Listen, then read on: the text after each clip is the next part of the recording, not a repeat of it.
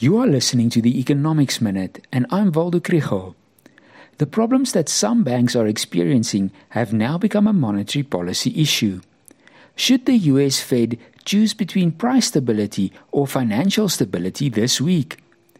This episode is supported by the Bureau of Economic Research in Stellenbosch and the NWU Business School. In the past week, there has been global concern about the possibility of a financial crisis. It started with the run on Silicon Valley Bank and was fueled by the problems at Credit Suisse.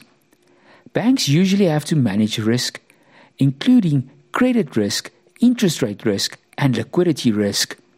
In the case of SVB, they were not hedged against the risk that the interest rate on their assets, US government debt, would rise and that the price of the asset would consequently fall.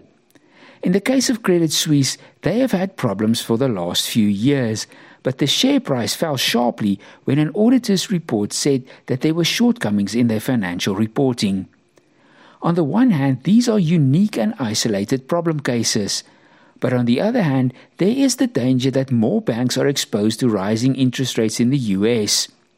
Some analysts now argue that the US Federal Reserve should leave its interest rate unchanged on Wednesday and instead make sure that the financial system is stable before continuing to fight inflation with higher interest rates. It's going to be an interesting week. The stubbornly high US inflation rate justifies a further interest rate hike. The European Central Bank raised its lending rate by 50 basis points last week and said that there are other mechanisms than interest rates to address banks' problems. The markets are betting that the Fed may play it safe.